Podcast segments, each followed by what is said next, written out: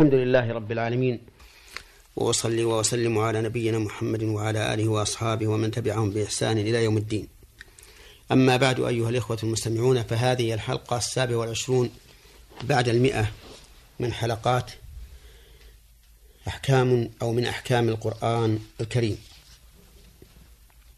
نبدأها بقول الله تعالى كما أرسلنا فيكم رسولا منكم يتلو عليكم آياتنا ويزكيكم ويعلمكم الكتاب والحكمة ويعلمكم ما لم تكونوا تعلمون فاذكروني أذكركم واشكروا لي ولا تكفرون. قوله كما الكاف هنا للتعليل كقوله تعالى واذكروه كما هداكم أي لهدايته إياكم. فقولك كما أرسلنا آه، الكاف للتعليل وما مصدرية وتقدير الكلام كإرسالنا إليكم رسولا. أي أن الله سبحانه وتعالى من علينا بما سبق من التشريع بالاتجاه إلى الكعبة ليتم نعمته علينا وليذكرنا بما أرسل بمن أرسل إلينا من الرسل وهو محمد صلى الله عليه وعلى آله وسلم.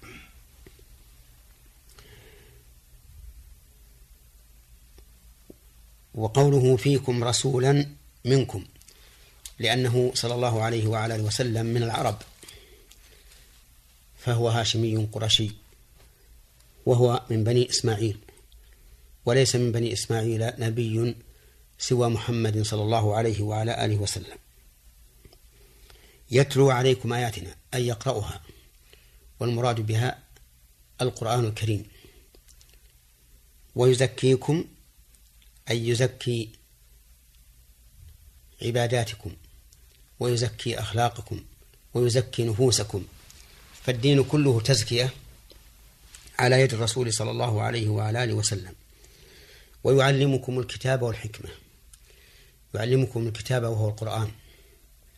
لفظ لفظه ومعناه.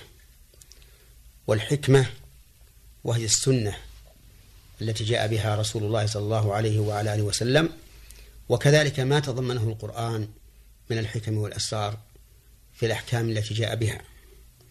ويعلمكم ما لم تكونوا تعلمون من قبل فإن العرب كانوا قبل الرسالة أمة أمية.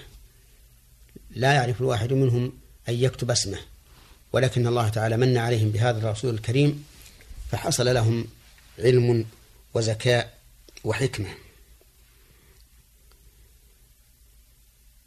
ففي هذه الآية من الحكم والفوائد منة الله سبحانه وتعالى علينا حيث أرسل فينا هذا الرسول النبي الأمي الذي يتلو علينا آيات الله ويزكينا ويعلمنا الكتاب والحكمة.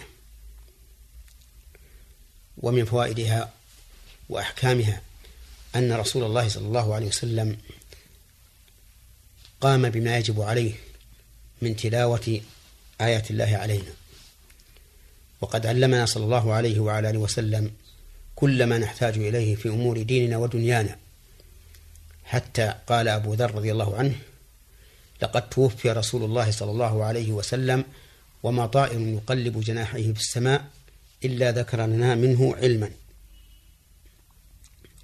ومن فوائدها وأحكامها ثبوت التزكية أو إن شئت فقول ثبوت الزكاة لمن اهتدى بما يتلوه النبي صلى الله عليه وسلم من آيات الله علينا.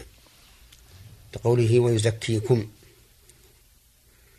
ومن عرف حال العرب قبل الإسلام عرف كيف زكاهم الإسلام وهذب أخلاقهم وأزال عنهم العصبية والجاهلية. ومن فوائد هذه الآية وأحكامها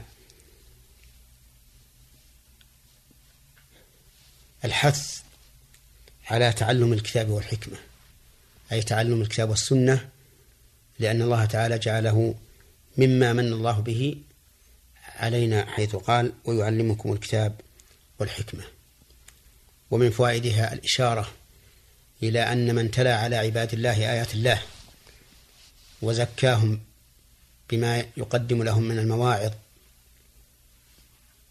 وعلمهم كتاب الله وسنة رسوله كان وارثا لرسول الله صلى الله عليه وعلى آله وسلم.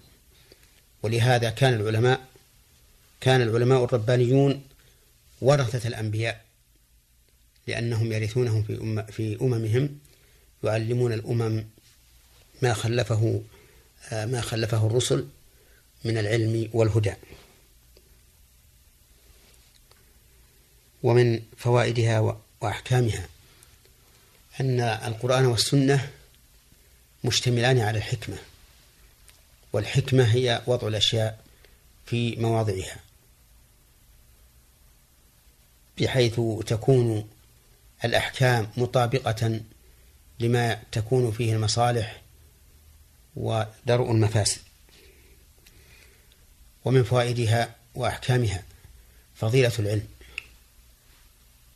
لقوله ويعلمكم ما لم تكونوا تعلمون. حتى أن يعني انتقلت أمة العرب من أمة جاهلة إلى أمة عالمة متقدمة.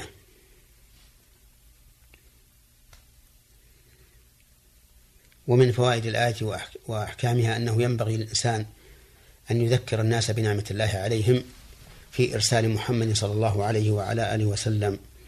الذي يتلو علينا آيات الله ويزكينا ويعلمنا الكتاب والحكمة. ثم قال الله تعالى فاذكروني أذكركم واشكروا لي ولا تكفرون. أمر الله تعالى بذكره وبين ثوابه وجزاءه فقال اذكروني وهذا أمر بالذكر أذكركم هذا الثواب والجزاء. واشكروا لي أي اشكروا لي ما أعطيتكم من النعم ولا تكفرون فتجحدوا نعم الله عليكم. ففي هذه الآية من الفوائد والأحكام الأمر بذكر الله. وذكر الله تعالى ينقسم إلى قسمين ذكر واجب وذكر تطوع وليس بواجب. فالصلاة مثلا من من الأذكار الواجبة. وهي متضمنة لذكر الله لأن فيها قراءة القرآن فيها الركوع السجود القيام القعود التسبيح.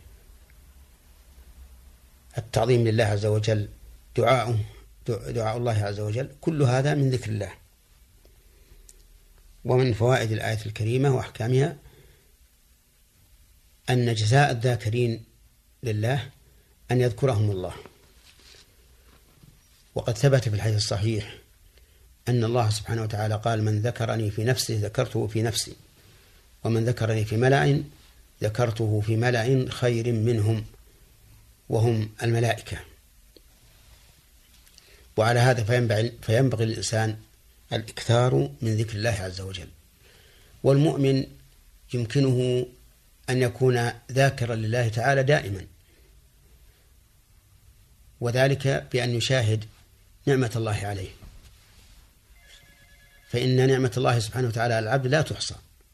كل نعمة أنعم الله بها عليك فإنها تذكرك بالله عز وجل وبإحسانه وفضله وإنعامه.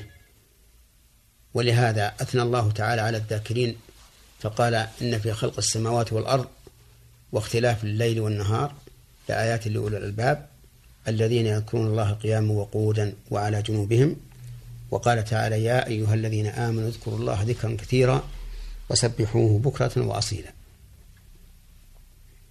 ومن فوائدها وجوب شكر الله عز وجل وذلك بالقيام بطاعته وصرف نعمه إلى ما أمرنا الله بصرفها إليه. فلا نستعين بنعمه على معصيته. ومن فوائدها وأحكامها تحريم كفر النعمة لقوله ولا تكفرون. فنسأل الله تعالى أن يعيننا على ذكره وشكره وحسن عبادته إنه على كل شيء قدير وبالإجابة جدير وإلى هنا ينتهي بنا الكلام على هاتين الآيتين وإلى حلقة قادمة والسلام عليكم ورحمة الله وبركاته.